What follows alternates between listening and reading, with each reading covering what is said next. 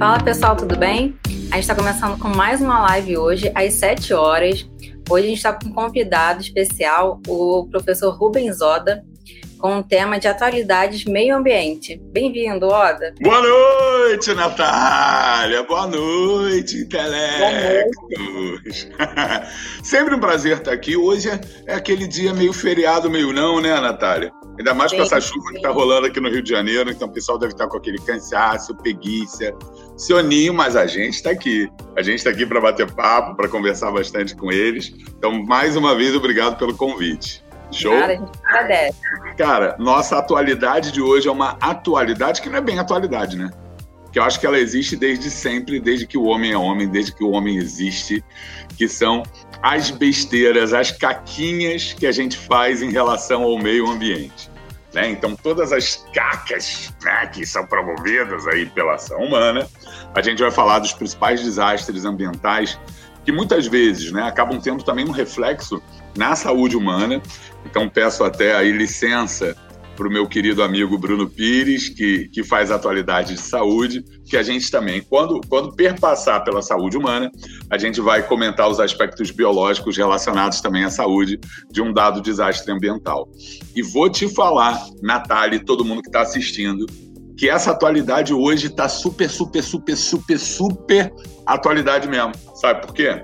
Porque amanhã e depois, isso, dia 22 e 23, amanhã e depois, vai rolar uma cúpula de líderes globais sobre o clima. Vocês estão sabendo disso? Que os Estados Unidos, né, o novo presidente Joe Biden, ele convocou 40 dos mais importantes líderes mundiais para se reunir para discutir o clima, discutir mudanças climáticas globais, poluição dos oceanos, é, desmatamento na Amazônia, né? Então, tá lá, ó, Biden, Putin, Xi Jinping, todo mundo né, ali do poder está lá e o nosso ilustríssimo presidente Jair Bolsonaro também está lá para poder participar dessas discussões sobre mudanças climáticas globais. Né? Então, repara, desastre ambiental está sempre em voga, né? então é um tema sempre bastante importante.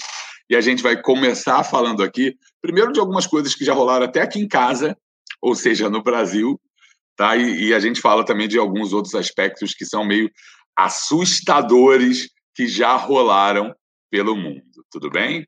Então, mais uma vez, sejam muito bem-vindos. Ó, vi que a Letícia já botou aqui, muito importante, lógico, muito importante, Letícia.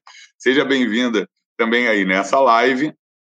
E vamos então começar aqui a discutir esses desastres. Antes disso, eu vou só mostrar aqui para você um texto. Vamos, vamos ler juntos aí esse texto do Henri Turreau, que é um texto bastante importante, que eu acho que, que diz muito respeito ao planeta em que a gente vive hoje. É rapidinho, ó. Eu procuro familiaridade com a natureza, conhecer seus estados de espírito e maneira de ser. A natureza primitiva é a mais interessante para mim. Eu faço imensos sacrifícios para conhecer todos os fenômenos da primavera, por exemplo, pensando que eu tenho aqui o poema inteiro. Então, para o meu desapontamento, eu ouço que é apenas uma cópia imperfeita a que eu possuo e li. Que os meus ancestrais rasgaram muitas das primeiras folhas e passagens mais grandiosas e mutilaram-na em muitos lugares.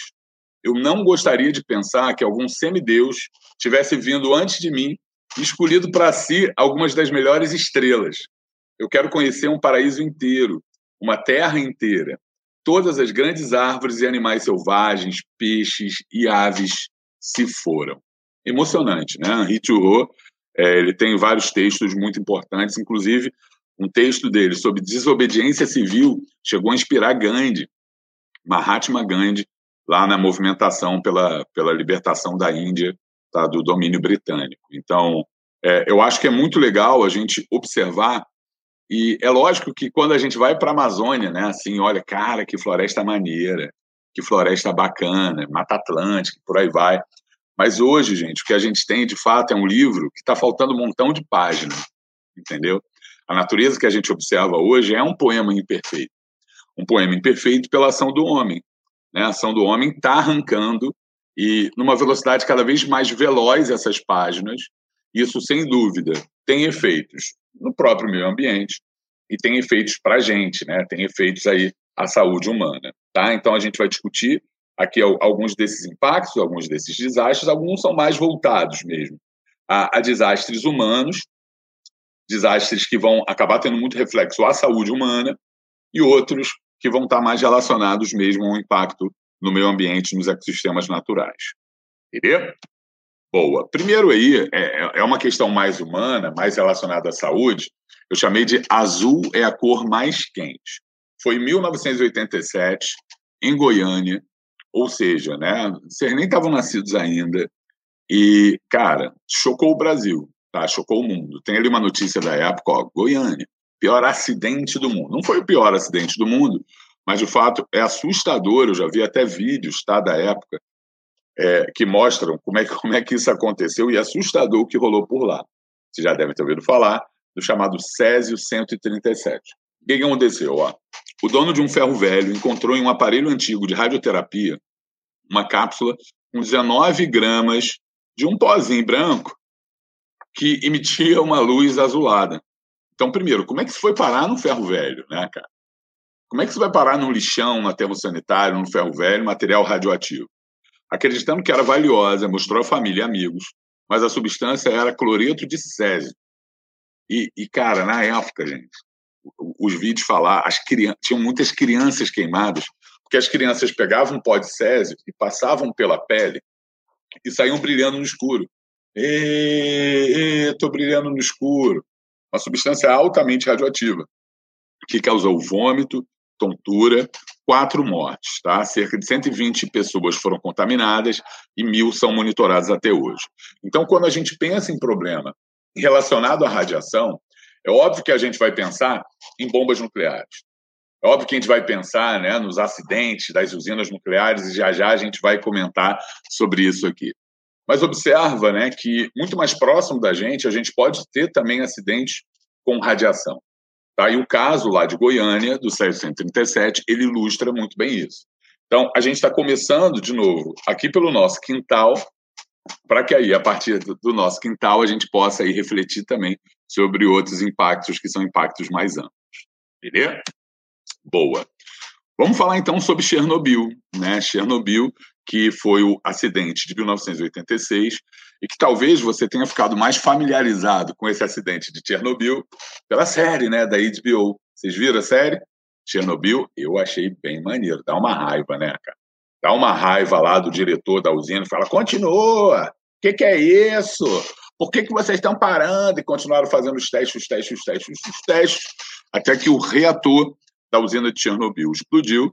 E aí observa, né, que a interferência política ela também ela foi muito grande, né? Uma vez que hoje Chernobyl fica na Ucrânia, mas na época ficava na União Soviética, né? Então tentaram, né, vamos, vamos falar pouco sobre isso, a gente não sabia de nada. Isso mostra como que esses aspectos ambientais, né, muitas vezes acabam até ultrapassando fronteiras. Na série fica muito claro isso, que a nuvem de radiação ela acaba alcançando outros países da Europa também. Então, foi o pior acidente nuclear da história, consequência de uma explosão após uma série de erros humanos durante testes em uma usina de geração de energia. Né? Até que o incêndio fosse controlado, nove dias depois, uma nuvem radioativa exigiu a evacuação de 45 mil pessoas e chegou a atingir vários outros países da Europa. A radiação emitida, olha isso, gente, equivale a 100 bombas de Hiroshima e Nagasaki. 100 bombas nucleares é um impacto absurdo. Tanto que quando, quando foi, foram completos né, os 30 anos, e agora né, 35 anos do acidente de Chernobyl, falou-se bastante sobre esse impacto. Eu vi várias reportagens né, de repórteres que tentaram chegar o mais próximo possível lá da usina, mas até hoje a cidade ela, ela foi evacuada. Né? Então, parece de fato uma cidade fantasma e que a Ucrânia ela tem que lidar com, com a cidade fantasma devido a esse acidente, devido aos índices de radiação, que ainda são índices muito altos. Agora, tem uma curiosidade, uma curiosidade sobre Chernobyl que faz a gente refletir. Sabe que curiosidade? Vou te falar, é, o, no, o, nosso principal objetivo aqui na aula de atualidades é bater papo, é discutir, né, apresentar coisas interessantes. Mas olha, muitas das coisas que eu vou falar aqui hoje, eu já vi aparecer no Enem, já vi aparecer em questões de vestibular, e essa aí mesmo eu sempre falo quando eu falo de radiação, e vou te dizer que ela já apareceu no vestibular da FUVEST, na primeira fase da FUVEST, exatamente um texto que falava sobre isso. Que olha, olha que louco, que coisa doida. A vida abre caminho no ecossistema radioativo de Chernobyl. Vários estudos confirmam que 30 anos depois do desastre, a vida silvestre é abundante na zona de exclusão, embora a radiação também afete alguns organismos. Então, ó, a matéria é de 2019. Beleza? Então, mais de 30 anos, né? 33 anos após o acidente. E hoje, gente, vários estudos mostram que alguns animais selvagens que antes não ocupavam mais aquela área, tipo lobo, alce, voltaram. E hoje a diversidade desses animais está aumentando lá. Olha que incrível. É óbvio que você pode se questionar, mas, mas olha, esse animal não sofre com a radiação? Está aqui, sofre. Deve afetar, promover mutação? Deve. Ué, então como é que está aumentando a diversidade desses bichinhos por lá, né? Como é que está tendo mais desses animais por lá? Não é louco pensar nisso? E qual você acha que é a resposta? De por que, que esses animais, então, estão proliferando mais hoje lá em Chernobyl? A, a resposta é muito inquietante.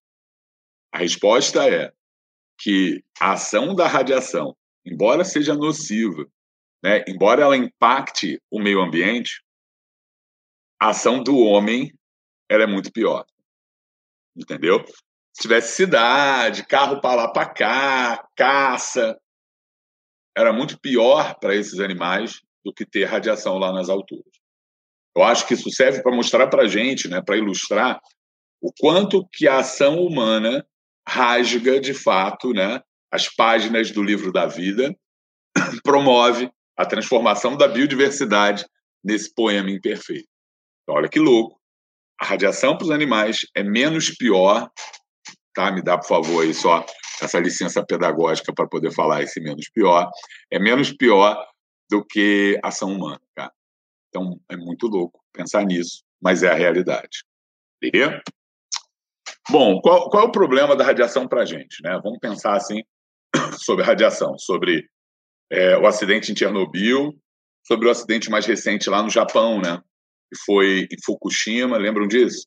Teve um tsunami, né? A usina ela ficava ali, ó, na beira do mar, tsunami também gerou uma explosão em, em Fukushima e até hoje também a área está isolada, né? Ainda tem muitos contaminantes. Recentemente, o primeiro-ministro japonês falou que parte dessa água contaminada vai ser tratada e vai ser lançada no mar. Isso gerou também um, um alvoroço geopolítico internacional, especialmente nos países mais próximos, né, como China, Coreia. E o grande problema né, da radiação é que a radiação ela causa erros na autoduplicação do DNA. Então, sabe, autoduplicação, replicação do DNA, C pareia com Z, A pareia com T, ocorrem erros nesse pareamento. E assim, esses genes mutantes, eles podem acabar é, ativando alguns genes que estão relacionados ao câncer, genes que a gente chama de oncogenes. Então, a radiação promove mutações, algumas dessas mutações nos oncogenes. Onco é um radical que a gente usa muito para câncer, né? Tanto que quem tem câncer, trata câncer, vai buscar o oncologista, né? essa especialidade médica. Então, essa mutação dos oncogenes pode gerar a perda no controle mitótico da célula, a perda no controle da divisão celular da célula, que existem vários mecanismos de controle, tá? Mas eles podem ser perdidos e a pessoa ela pode acabar desenvolvendo um tumor maligno, ela pode acabar desenvolvendo um câncer. Então, é muito grave, né, essa questão da radiação e por isso que a gente tem que tentar a, a qualquer custo, né, prevenir o contato da radiação, quer seja nos ecossistemas naturais, quer seja na espécie humana. De boa? E, e sobre as mutações serem ou não hereditárias, né, tentando também puxar um pouco a brasa para a sardinha do Enem, para a sardinha dos vestibulares, vale a pena só se ligar que quando as mutações elas ocorrem, por exemplo, na pele, no fígado, nos ossos, né, as mutações estão ocorrendo por ali, normalmente elas não são hereditárias. Ué, olha, mas está mudando o DNA, professor. Se está mudando o DNA, é para ser hereditário assim. Depende, gente. Porque para eu passar essa mutação para o meu filho, para minha filha, ela tem que ocorrer lá embaixo. ela tem que ocorrer na linhagem germinativa, na formação de espermatozoide, na formação de óvulos. Então, se as mutações ocorrem na linhagem germinativa, no testículo masculino ou no ovário da mulher, a mutação ela vai ser transmitida. Ela pode ser transmitida, ela pode ser hereditária. Agora, as mutações, quando elas são somáticas, quando ocorrem nas células corpóreas, aí elas não são hereditárias, elas não são transmissíveis, não. Vamos falar então sobre o meio ambiente, né? A gente está aqui para dar esse enfoque principal no meio ambiente, então vamos comentar aqui sobre ele, vamos comentar sobre o impacto da radiação no meio ambiente. Bom, antes de falar da própria radiação, é, aqui a gente tem um esqueminha tá, que mostra como é que funciona uma usina nuclear, tá bom? É, aqui você tem o reator, né, com as pastilhas com algum elemento radioativo, né, normalmente é urânio, urânio enriquecido. Isso aqui, cara, gera um calor absurdo, absurdo, que aquece essa água, transformando a água em vapor. Quando essa água vira vapor, ela vai circular pelas turbinas mexendo as turbinas e depois ela volta para cá. Isso é chamado circuito primário de água. Tá? Então, na verdade, você usa esse elemento radioativo para gerar calor, como se fosse uma usina termoelétrica. Tanto que há quem chame as usinas nucleares né, de usinas termonucleares. Então, você está gerando ali calor, isso vai evaporar a água, gerar um vapor, um fluxo contínuo de vapor, que mexe ali, gira as turbinas, promovendo a geração de energia. Qual o problema disso para o meio ambiente? Primeira coisa, eu vou falar uma coisa que, que pode até ser meio assustadora, mas é que, a princípio, uma usina nuclear ela não gera muitos problemas para o meio ambiente, não. Ora, você é ecólogo falando isso. Porque imagina uma termoelétrica aqui no Brasil, que é movida a gás, né, gás natural que vem pelo gasoduto Bolívia-Brasil.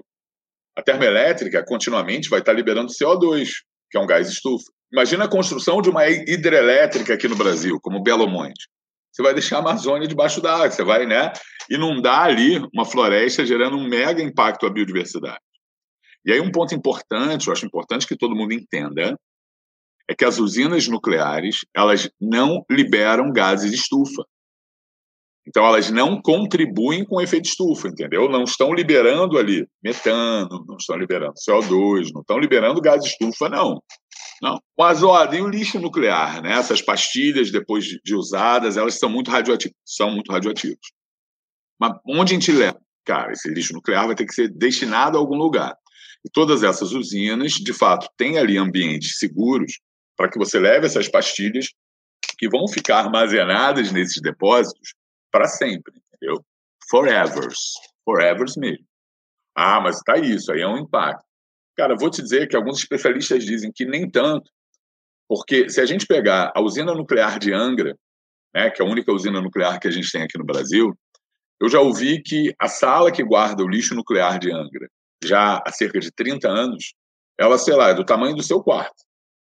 Entendeu? É um ambiente que não é muito grande, não é, não é gerado muito lixo nuclear. Agora, é lógico que essa sala ela tem que ter né, uma espessura de concreto imensa, chumbada, para evitar o escape desse lixo radioativo. O problema é, é, só quando tem um tsunami, né? quando tem uma explosão, que quando, quando as coisas dão errado, né, aí o, o, o impacto ele é muito grande. Mas se ela estiver funcionando bem, não tem grandes problemas. Para nossa sorte. Né? Porque pensa que a nossa única usina nuclear que a gente tem aqui no Brasil, ela está em Angra, entre Rio e São Paulo. As duas maiores capitais do Brasil, ela está exatamente ali no meio e que o escape, imagina, evacuar o pessoal ali de Angra. É difícil pra caramba. Você já deve ter ido para Angra, Paraty, sabe que aquela estrada é estreita, volta e meia tem deslizamento, imagina. Né? É uma coisa de louco. A usina de Angra ela foi construída numa praia que era chamada em Tupi-Guarani de Itaorna. Sabe o que, que Itaorna significa? Ita é pedra, orna é mole, pedra mole, que o terreno é instável. Então é aquela coisa assim, é, vai dar nanã, vai dar, vai dar nanã. Porque em algum momento isso pode dar ruim, na é verdade, em algum momento isso pode dar ruim. Então é uma preocupação que sem dúvida a gente tem que ter. E sobre a poluição, que de, de fato, tá, de fato, você tem ali sendo formada em Angra, é, a poluição principal que ela gera é a chamada poluição térmica. Porque eu falei para vocês sistema primário aqui, né, de água, para poder mexer a turbina. Mas tem um sistema secundário que pega a água do mar lá em Angra. Essa água, isso já caiu no Enem, tá? Essa água do mar, uma questãozinha de física. Ela é usada para condensar esse vapor da água. É óbvio que ali há uma troca de calor, e com essa troca de calor, embora essa água ali de dentro resfrie, esse é o objetivo, essa água aqui de cima, ó, ela está mais quente, tanto que tem aqui uma torre de resfriamento.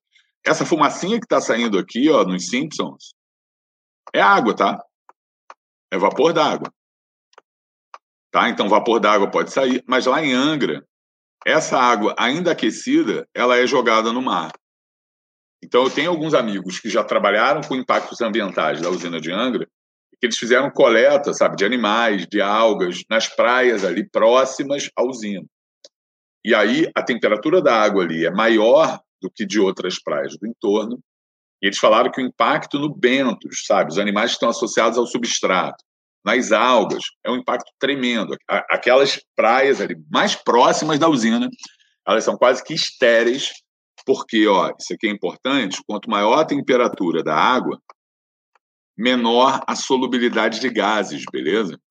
Maior temperatura da água, menor a solubilidade de gases. E aí esse meio acaba ficando quase que sem oxigênio, sem gás carbônico, e isso pode impactar tanto a respiração quanto a fotossíntese, beleza?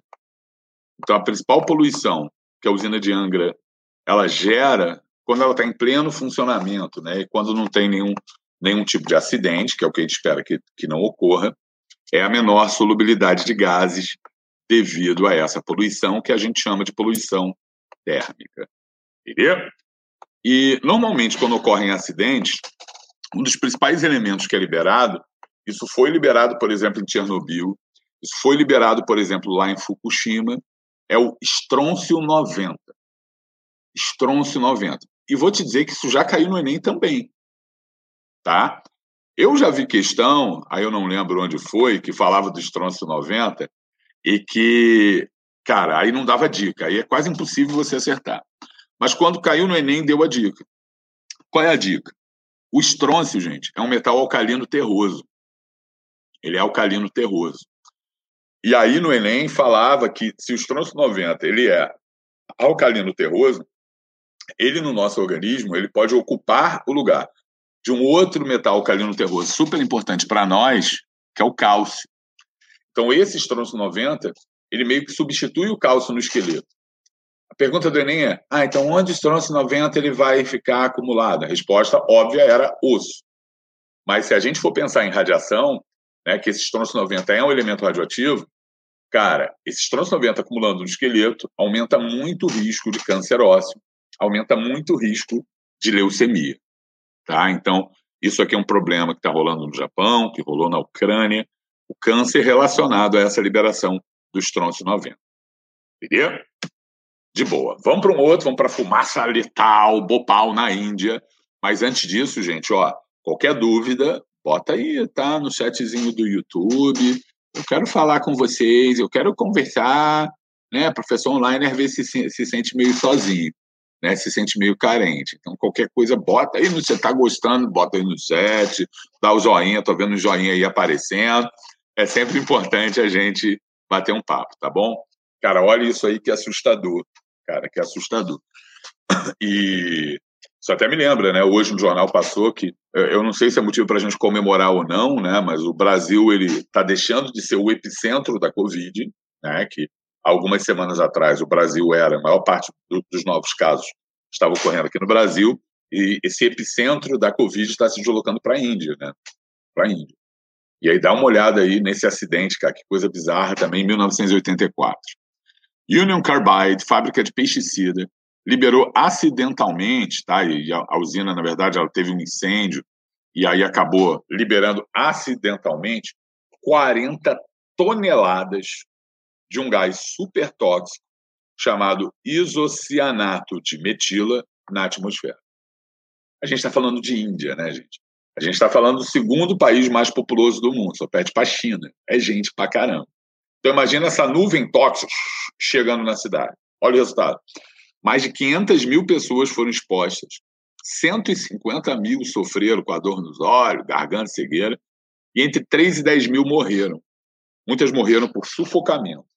Tá? E aí, ao longo dos anos, vários foram falecendo por, por problemas relacionados a, a, respirar esse gás poluente. Mas, Odinho, o que, que é esses oceanatos de metila? Né? O que, que esse gás faz? Bom, o isocianato de, de metila ele tem na sua composição o cianeto.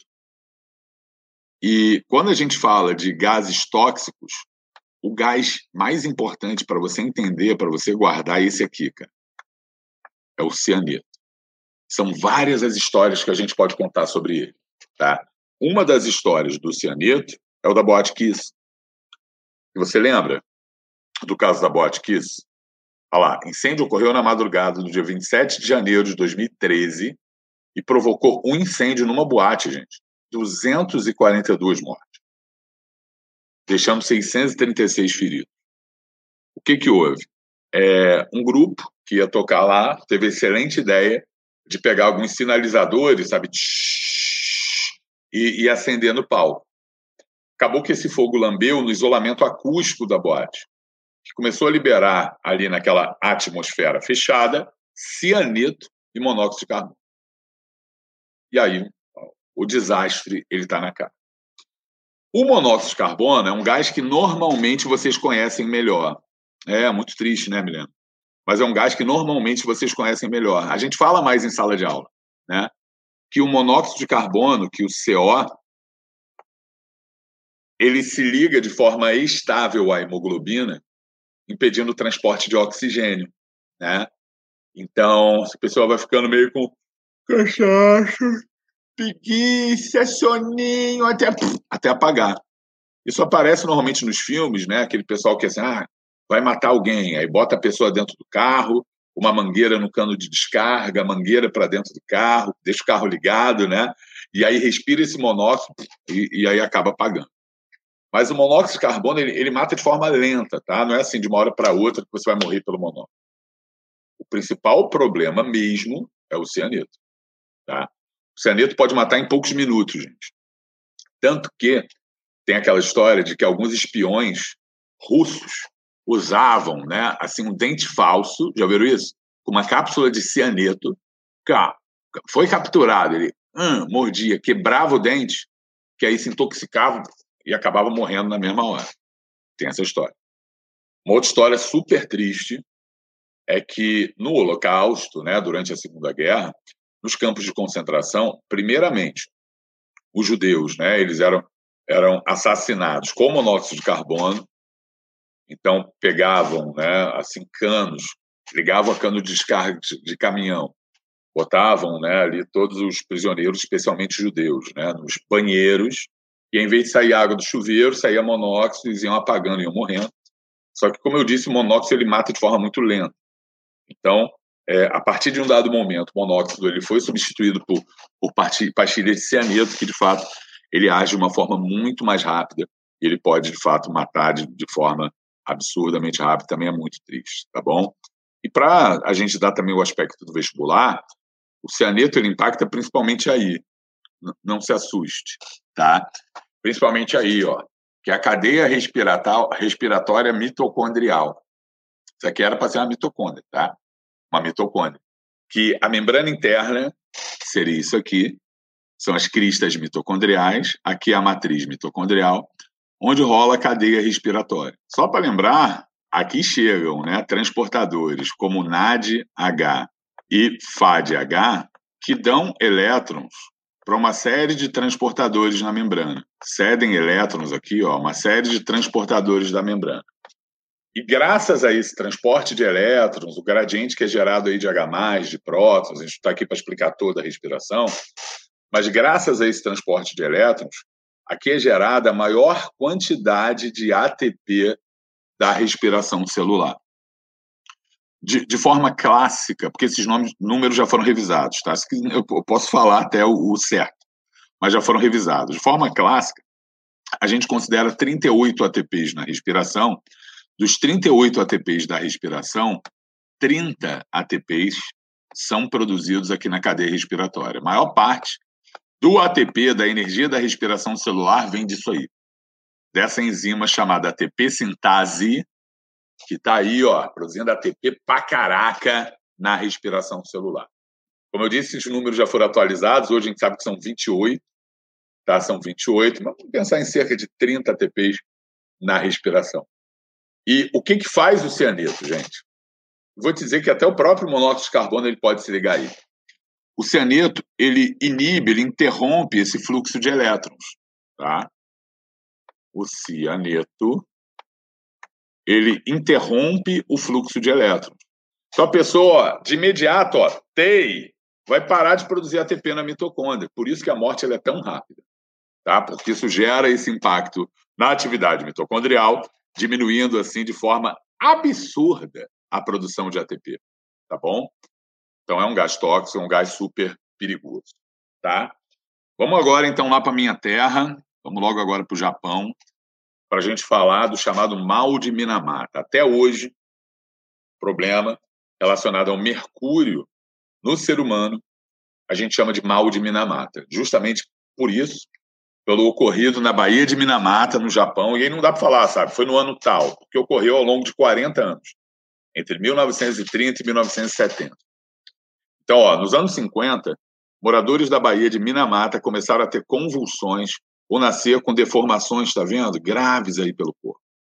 Eram os efeitos do mercúrio que a eletroquímica Xisso despejava nas águas desde os anos 30. Então, ó, mercúrio, mercúrio, mercúrio, mercúrio sendo despejado continuamente desde os anos 30. Mas a empresa não só negou o envolvimento, como escondeu relatórios internos, pior que é Japão, né, que a gente está falando, que provavam a culpa e ainda aumentou a produção, aumentou, perdão, a produção nos 18 anos seguintes. Resultado disso, 2.200 pessoas morreram, 3 mil ficaram doentes, mas até hoje, né, a manifestações sobre o mal de Minamar. Então, isso alertou o mundo de como que alguns metais pesados, como o mercúrio, eles podem trazer sérios danos à saúde humana, especialmente danos no fígado, danos no cérebro, malformações na gestação, né? malformações congênitas. Gente, tudo isso relacionado ao mercúrio. E por que, que isso importa para a gente aqui também no Brasil? Né? Além de conhecer um pouco de, de história, e importa, gente que o mercúrio ele também é muito usado no garimpo, né, gente? Muito usado no garimpo. Então, na Amazônia, tá esse mercúrio que é usado no garimpo, vai parar no Rio Amazonas, Negros, Solimões, Tapajós, Madeira, e, e, isso impacta, sim, a cadeia alimentar e pode impactar a saúde humana. Também já foi questão do Enem. Questão que perguntava por que, que esse mercúrio ele vai ficar muito concentrado nos botos da Amazônia sabe, boto cor-de-rosa, o boto cinza, o tucuxi. Por que, que o mercúrio ele vai ter uma concentração maior no boto? Quem lembra disso aí, ecologia? Vamos lá, gente, vamos participar. Quem é que lembra ecologia? Por que, que aumenta o mercúrio, especialmente no botinho, especialmente no pescador? Porque o boto, assim como o pescador, estamos no topo da cadeia alimentar. Ah, tem que lembrar isso, gente. Isso é muito importante. Ó, que metais pesados e agrotóxicos, tá? Que esse exemplo tem um agrotóxico importante que é o DDT, um organoclorado. Metais pesados e agrotóxicos, como são poluentes não biodegradáveis, não biodegradáveis. Imagina, ó, a alguinha tem 000, uma merreca de DDT, ou no Rio da Amazônia, uma merreca de mercúrio. Só que aí o zooplâncton já tem, ó, sei lá, mil vezes mais, dez mil vezes mais. Porque o zooplâncton come milhares de fitoplânctons ao longo da vida. O peixinho come milhares de zooplâncton, putz, já tem ó, 100 vezes mais. O, o peixe grande já tem quatro vezes mais. A águia já tem 12 vezes mais. Então, observa que quando o poluente é um poluente não biodegradável, gente, ele se acumula assim ao longo da cadeia alimentar, ele assume uma maior concentração no topo. Fala para mim, Tele, qual o nome desse processo de acúmulo de poluentes não biodegradáveis ao longo da cadeia, assumindo uma maior concentração no topo? Gente, tem que saber, isso aí é muito vestibular. é a biomagnificação, bioacumulação ou magnificação trófica. Como vocês não responderam, eu mesmo escrevi aí no chat, biomagnificação, magnificação trófica ou bioacumulação, o acúmulo de poluentes não biodegradáveis. Então, essa galerinha, imagina os japinhas ali na Baía de Minamata, galera. Peixinho cru, sashimi, sushizinho, pei, comendo esse peixe todo dia. É óbvio, né? Que o mercúrio ele iria se acumular nas pessoas que viviam nessa região. Beleza? Boas. Vamos falar de maré negra. Opa, importante demais também. Demais. É, é óbvio que são vários exemplos de poluição por petróleo. Né? A gente chama de maré negra quando o petróleo ele está impactando aí um ecossistema aquático. Um dos primeiros grandes acidentes, cara, que é muito chocante também, foi de um navio chamado Exxon Valdez, que ocorreu no Alasca. E as imagens são incríveis, né, porque o Alasca é, é pouquíssimo habitado, você tem ali praias, sabe, neve, gelo, preto de petróleo, e muitas fotos de aves, aves marinhas, sabe, é, tipo esses bichos, tipo foca, sabe, leão marinho, tudo, tudo sofrendo também com a ação dos, do petróleo, tá? Então isso chocou bastante a comunidade mundial, o navio Exxon Valdez. Mas o maior acidente mesmo envolvendo petróleo foi em 2010 no Golfo do México, tá? nos Estados Unidos, quando a plataforma Deepwater Horizon da British Petroleum matou 11 pessoas, explodiu, 17 feridos, mas ó, rompeu tubulações no fundo, onde cerca de 4 milhões de barris de petróleo, imagina, 4 milhões de barris de petróleo contaminaram a água por 87 dias. Que foi o tempo, foi, cara, foi uma operação de guerra para conseguir fechar, conter o vazamento. Tá? Porque ele ficou vazando do fundo, gente, ficou vazando diretamente ali do ponto de extração. Então imagina 4 milhões de barris de petróleo contaminando o alto mar ali na costa da Califórnia beleza? Então, para você ter uma ideia do impacto disso, ó, 10 anos após, matéria de 2020, gente, ano passado, 10 anos após derramamento de petróleo no Golfo do México, o perigo persiste. Quando a plataforma Tchu BP explodiu, derramou 750 milhões de litros, cara, é muita coisa de petróleo. O dano foi de tal magnitude que um operador de hotel o compara ao desastre que a pandemia do coronavírus está causando agora em nível local. Porque imagina, as praias todas contaminadas, né? E o impacto também, óbvio, no ecossistema, um impacto absurdo, tá bom? Já já a gente vai falar melhor sobre esse impacto. E quando a gente vem aqui para o Brasil, né, em termos de atualidade, a gente teve no ano passado graves problemas com petróleo também nas praias do Nordeste. Né? Então, isso aí chamou bastante atenção, tanto que no Enem do ano passado, né, que na, na real rolou esse ano, no início do ano, tiveram acho que duas ou três questões sobre petróleo na prova de ciências da natureza. Né? Então, essa maré negra, esse impacto do petróleo é muito importante, você tem que saber. Então, na época, é, eu li várias reportagens que mostravam, sabe, as praias do Nordeste ficando contaminadas com petróleo, sabe? Então, chegando óleo, óleo, óleo, ninguém sabia de onde era. Eu lembro que uma galera do governo falou que era o petróleo da Venezuela, porque a Venezuela está mandando petróleo, e ninguém sabia o certo a fonte desse petróleo. E aí é muito interessante para mostrar para vocês a importância da ciência, né? Que aqui, ó, pesquisadores da Universidade Federal de Alagoas, UFAL, analisaram durante meses manchas de óleo do Golfo da Guiné, a 200 quilômetros de Camarões, na África, e acreditam que elas podem explicar a tragédia aqui do Brasil. Então, observa que essas mães devem ter vindo da África, algum acidente ali, né, no meio do caminho entre o Brasil e a África. Que é muito maneiro, gente. Quando você pega, por exemplo, o petróleo e faz ali uma cromatografia gasosa, você consegue separar os vários componentes do petróleo, que você sabe muito bem, é uma mistura. Então, é como se cada petróleo tivesse o seu DNA, entendeu? Pegando essa mancha de petróleo, comparando com o petróleo que a Petrobras está extraindo na bacia de campo, que a Venezuela extrai, ou que né, veio da Guiné, da África, a gente consegue, fazendo essa comparação, ter uma ideia de onde veio esse petróleo. Então, aparentemente, esse petróleo ele veio da África mesmo. E aí o problema principal, né, gente, do petróleo, é que você sabe muito bem que o petróleo é preto. E o petróleo, como ele é menos denso do que a água, O petróleo ele tende a se acumular ó, na superfície. É o que você está vendo aqui nessa primeira fotinho. O petróleo tem se acumulando na superfície.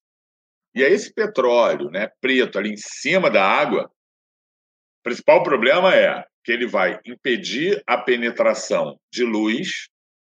Se ele impede a penetração de luz, ele vai diminuir drasticamente a fotossíntese. E diminuindo a taxa de fotossíntese, é óbvio que isso acaba gerando impacto em toda a cadeia alimentar. Então, guardem que o principal problema do petróleo é a redução da taxa de fotossíntese e o impacto na cadeia alimentar. Logicamente, como ele está ali na superfície, ele também pode afetar a troca gasosa entre a água e a atmosfera. Então, o outro impacto aqui é a limitação da troca gasosa superficial. Suave. Esse petróleo ele pode acabar também se acumulando nas brânquias de alguns animais aquáticos, impedindo a troca gasosa desses animais. Mas o principal, né, o que normalmente aparece, que caiu no Enem ano passado, é que as aves marinhas, que normalmente têm ali um óleo sobre as penas, junta, justamente para que elas fiquem impermeáveis, né, tem lá a gaivotinha voando. Gaivotinha vê um peixe. Ela, pei, mergulhou, pegou o peixe saiu voando. Por que, que ela não se molhou? Por que, que ela não ficou toda encharcada? Porque ela tem óleo na superfície das penas, porque óleo e água não se misturam, e aí esse óleo impede que ela fique toda empapuçada. Agora, ó, o que acontece com ela quando ela mergulha e se depara com uma camada de petróleo? Óleo e óleo misturam. Ela fica toda cheia de óleo nas penas, não vai conseguir voar, vai ficar ali boiando, vai morrer de fome, vai morrer de sede. A questão do Enem, né, do último Enem, falava que depois de pegar essas aves e limpá-las com detergente, você tem que esperar ainda alguns dias antes de liberar na natureza. Perguntava por quê. A resposta é que a gente tem que dar tempo, né, para que elas possam produzir óleo novamente sobre as penas, para garantir assim que elas mantenham a sua impermeabilização. Lelê, de boa? Todo mundo entendendo? Maravilha. Vamos falar agora sobre um outro tipo que também, cara, isso aí é muita atualidade, gente. É muita atualidade, já já você vai entender por quê. Morte das águas. Quando? Desde sempre, desde que o homem é homem. Tá, gente? A gente impacta organismos aquáticos assim. Onde? Rio Tietê, Baía de Guanabara. Eu moro em Jacarepaguá, tá, gente? Moro aqui pertinho do Intel de Jacarepaguá. Pertinho. É, meu filho até estudou lá ano passado, estava no terceiro ano. É, muito perto. Então, aqui, Jacarepaguá, tem um canal, canal do Anil, que pô, parece esgoto puro. É, tem um canal, acho que é o mesmo canal que passa ali perto da, do Bosque da Freguesia. E esses canais vão parar nas lagoas da Barra de Jacarepaguá, que são completamente eutrofizados. Então, o maior problema dos corpos hídricos né, nos grandes centros urbanos é exatamente o cocô, totô, totocinho, que a gente joga nesse ambiente aquático. E, cara, se a gente não parar de jogar esse cocô, cocô, cocô, cocô, todos esses ambientes aquáticos vão virar quase que esgoto, né? Esgoto a céu aberto. Então, para entender o que, que, que, rola ali, né, o que, que é essa eutrofização e por que, que a gente tem que, de fato, se preocupar com isso, normalmente, né, você tem água com nível normal de nutriente, alguém faz fotossíntese, consome e produz O2, sobra oxigênio para todo mundo, está todo mundo feliz. Agora, quando a gente joga aqui, ó, cocô, ou fertilizantes inorgânicos, que podem vir, por exemplo, da agricultura, isso pode gerar uma proliferação excessiva de algas de plantas aquáticas, né? Então, por exemplo, quando eu vou para a Barra, passo ali pela Ayrton Senna, aquele canal que vem da Cidade de Deus está cheio de água a pé, cheio de plantinha ali. Isso indica que o ambiente ele está eutrofizado. Tá? Indica eutrofização. Essas plantas são bioindicadoras da poluição. Bioindicadoras.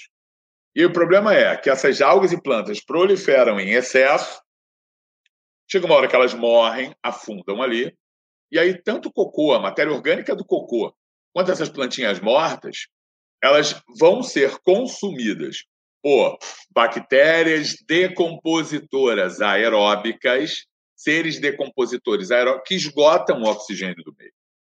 Se acabou o oxigênio do meio, ó, ah, peixinho morreu. Camarãozinho morreu, Sirizinho morreu. Todos os seres aeróbicos morrem. Morrem, inclusive, os decompositores aeróbicos, né? Todos os aeróbicos morrem.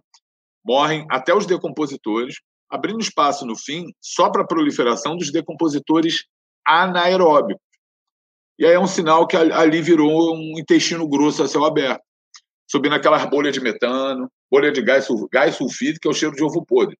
Tá? Então, quando você passa por um rio, tipo, ó, galera que vai passar na UFRJ, que vai estudar lá na Ilha do Fundão, a Baía de Guanabara, ali, do lado da Ilha do Fundão, é um intestino grosso a céu aberto. Você passa e vê a bolinha de peido subindo assim, ó. Aquela bolinha de peido fedorenta, que é metano, gás sulfídrico, que são produzidos na decomposição anaeróbica, beleza? E aí, cara, para ilustrar isso, eu tenho esse gráfico aqui que é super, super, super importante. Foi retirado até de uma questão da UERJ tá? Que quando você começa aqui, ó, a poluir, a lançar cocô no meio aquático, você vai ter uma multiplicação, um aumento dos nutrientes, lógico, que vai gerar uma proliferação ó, dos decompositores aeróbicos. Os decompositores aeróbicos aumentam. Com o aumento dos decompositores aeróbicos, diminui o O2 até um ponto que o decompositor cai também. E aí, no fim do processo, só há espaço para a proliferação dos micro-organismos decompositores anaeróbicos. Beleza? Então, esse problema, gente, ele é tão importante, tão importante, tão importante, que agora até melhorou. Mas na semana passada eu lembrava dele a todo momento que eu pegava um copo d'água para poder beber. Pegava assim um copinho d'água para dar. Sentia aquele cheiro aquele cheiro horroroso da água, aquele gosto horroroso da água. O que, que é isso, gente? Você sabe muito bem. A geosmina da SEDAI, né? A geosmina da SEDAI. Então, aqui, ó. SEDAI registra a maior concentração de geosmina na área de captação do Rio Guandu desde o início do ano. Essa matéria é, olha lá, de março, 30 de março, fim de março de 2021, tem nem um mês. As amostras foram colhidas na área de captação da água da estação de tratamento do Guandu. Com a nova alta de geosmina, moradores relatam que têm recebido água com gosto e cheiro ruins, e em alguns casos até cor escura. Porque olha só, gente, dá uma olhada nisso. Tá vendo isso aqui? Que parece cocô, parece esgoto. Não, esse é o Rio Guandu. Essa é a água que a gente bebe. É a água que a gente bebe. Então, gente, enquanto o Rio Guandu estiver recebendo esgoto ali, esgoto, esgoto da cidade da Baixada, é óbvio que esse Rio Guandu ele vai estar altamente eutrofizado.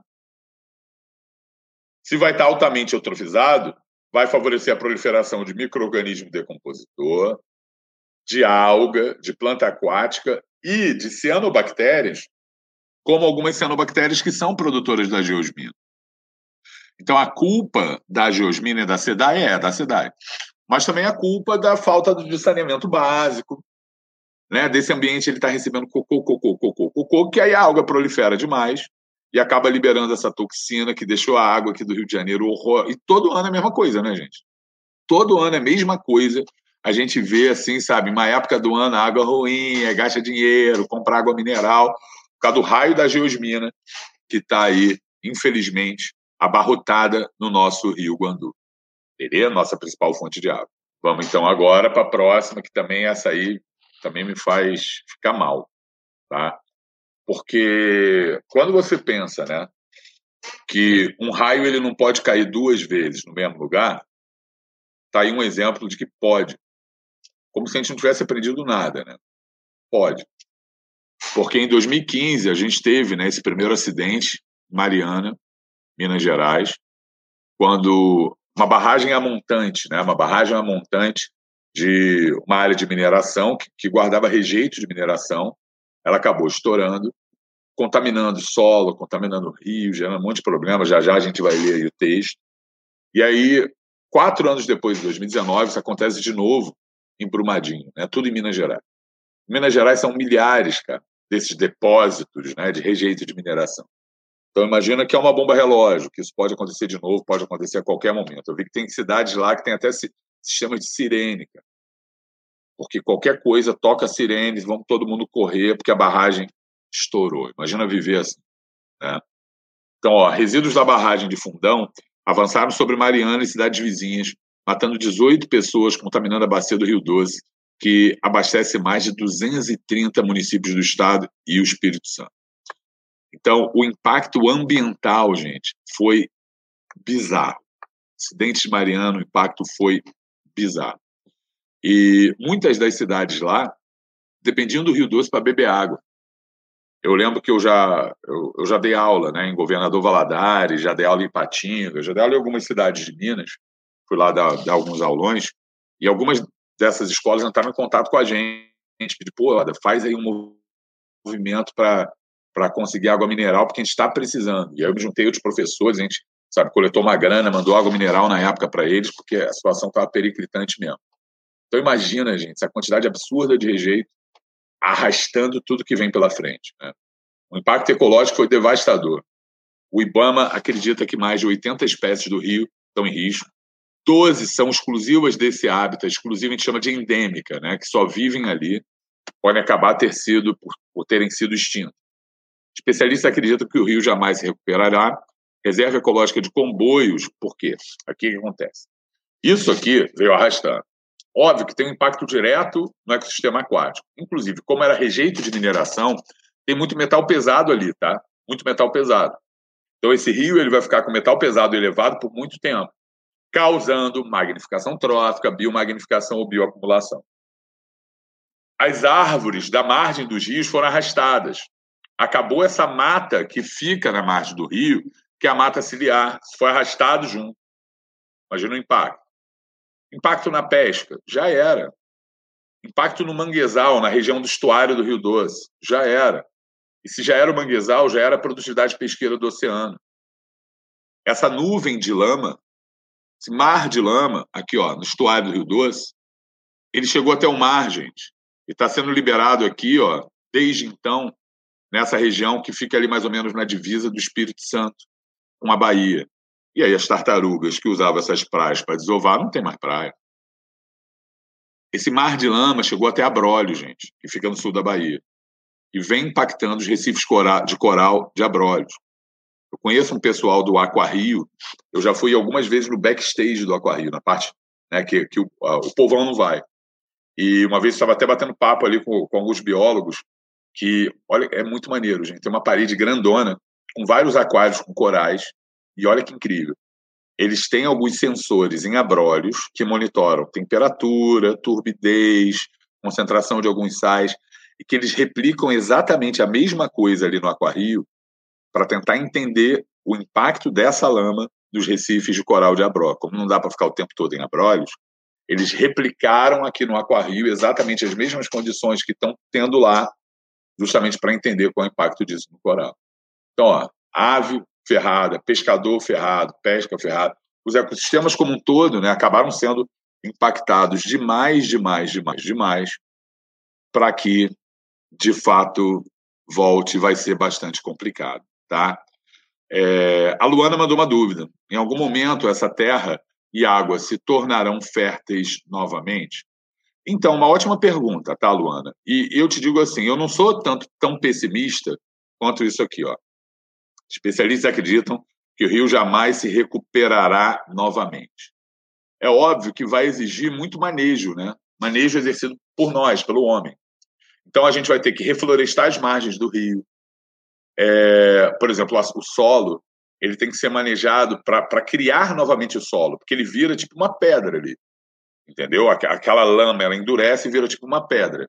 Então a gente tem que manejar esse solo para ele tornar-se fértil novamente. Então normalmente você planta leguminosa, gera ali mais nutriente nitrogenado. Então, é um trabalho de tartaruga mesmo, entendeu? Um passinho depois do outro para tentar devolver a fertilidade. Mas que vai levar muito tempo, vai. Eu acredito que pode haver recuperação, sim. Entendeu? De boa, Luana. Eu acredito que pode. Mas, assim, a gente está falando de décadas, tá? Então, não é um trabalho de recuperação que vai durar menos do que 10 anos. Mas depois de décadas, a gente pode ter recuperação, sim. Tá bom? de boa. E aí, para fechar, né, gente, a gente está aí nos nossos últimos quatro minutinhos da aula. É, é exatamente sobre isso, até para quando você vir o jornal hoje, o Jornal Nacional, amanhã assistir né, o discurso do presidente na, na, no, lá na Conferência do Clima, eles estão discutindo principalmente isso. né, principalmente o superaquecimento global. Que você sabe que a concentração de CO2 da atmosfera do planeta, gás estufa, como CO2 e metano, é, estão cada vez mais altas desde a Revolução Industrial. Vamos queimar carvão mineral, vamos queimar petróleo, vamos aumentar o nosso PIB, tudo isso teve um custo. Hoje mesmo, já estava assistindo é, o noticiário e vendo que alguns países europeus já, já, já concordaram em reduzir as emissões de CO2. Né? Vamos ver se os Estados Unidos e a China também concordam, né? porque são os dois maiores poluidores mundiais. Então, a gente tem um planeta que, com gás estufa, vem aumentando cada vez mais a temperatura. E é óbvio que a gente está colhendo as consequências disso. A gente está colhendo o clássico, que é o degelo dos polos. A gente está colhendo o aumento do nível né, do mar, do nível dos oceanos. E aí observa, né, gente, que algumas ilhas, alguns atóis vão simplesmente sumir, tá? Com o aumento dos oceanos, algumas ilhas vão sumir. Imagina o impacto disso na biodiversidade. Quando a gente pega a Amazônia, que é uma floresta pluvial, uma floresta úmida, o aumento da temperatura global, ele aumenta a evapotranspiração da floresta. E aí a floresta perdendo mais água, evapotranspirando mais, ela fica mais seca. Ficando mais seca, ela pega, pega mais fogo. E aí, quem sabe, gente, no futuro até próximo, a Amazônia pode virar um cerrado, entendeu? Então, o impacto do superaquecimento global é o que a gente chama de savanização da Amazônia. A Amazônia ela pode meio que se transformar numa savana. Por quê? Devido a esse aumento da evapotranspiração. O aumento da temperatura dos oceanos vem matando as algas que estão associadas ali aos corais. Tá? É, é um processo que a gente chama de branqueamento. Matar a alga associada ao coral, essa alga é chamada de zooxantela. Então, isso está gerando branqueamento dos corais, isso está gerando um mega impacto nos ecossistemas aquáticos. Então, esses são só alguns deles, né, gente? Alguns dos impactos do superaquecimento. Então, é lógico que a gente tem que ter novas iniciativas, né, iniciativas políticas, geopolíticas, para que a gente possa evitar que esses impactos sejam ainda maiores. Concorda, a Luana mandou aqui, ó. O mais difícil é mudar a cabeça da humanidade. Muito se fala sobre a necessidade de mudança, porém se age muito pouco. Sabe por quê, Luana? Eu acho que, que vai ser bom até a gente terminar assim. A espécie humana é muito egoísta. Nós somos muito egoístas. Tá, Luana? Estou me incluindo. Não, não, quero me isentar. Sabe? A espécie humana é muito egoísta. E um dos grandes problemas, quando a gente fala de impactos, impactos ambientais, é que normalmente a gente tolera bem quando o lucro é individual, mas o prejuízo é coletivo. Tenta analisar o que eu falei. Digamos que eu, eu Oda, tenho lucro individual eu ganho muito, sabe, fazendo um montão de besteira. Só que o prejuízo, os meus gases poluentes estão indo para a atmosfera, o meu cocô está indo para a Baía de Guanabara, o meu lixo está indo para um lixão, contaminar o solo. Tipo assim, ah, você joga o lixo, o caminhão, o lixeiro leva, você não está nem aí. Não é verdade? Ah, eu estou com tudo aceso aqui. Eu pago a conta de luz. Ah, eu estou pagando, então não estou nem aí. Mas quanto mais luz você usar, mais ar-condicionado tiver ligado na tua casa, mais a gente precisa gerar energia. E aí mais hidrelétrica, mais termoelétrica. Então, repara, é, é uma atitude egoísta. A gente pensa no nosso próprio umbigo. E, de novo, eu estou me incluindo, não quero me pagar de santinho. Por quê? Se o lucro é individual, o prejuízo é global, ah, deixa para lá, as próximas gerações que se danem. Né? Então, refletir sobre isso, de fato, é muito importante. Obrigado por ter concordado comigo, Lana. E, infelizmente, nosso tempo acabou. Gente, essa uma hora, ela passa voando. Ela passa voando. Infelizmente, nosso tempo acabou por aqui. Espero que vocês tenham gostado desse nosso bate-papo. Né? Vocês sabem que eu estou sempre voltando, sempre voltando. Mês que vem o Adinha volta com uma outra temática legal sobre o meio ambiente que vocês viram. É legal sobre o meio ambiente, também Enem, também vestibular. E eu espero que você divulgue para os teus amigos, chame geral, que eu quero poder ajudar bastante gente, tá bom? Obrigado, Milena. Beijo para você, para Luana. Muito obrigada, Oda. E valeu, Natália. Até a próxima. Até. Tchau, tchau. tchau. Obrigada, pessoal.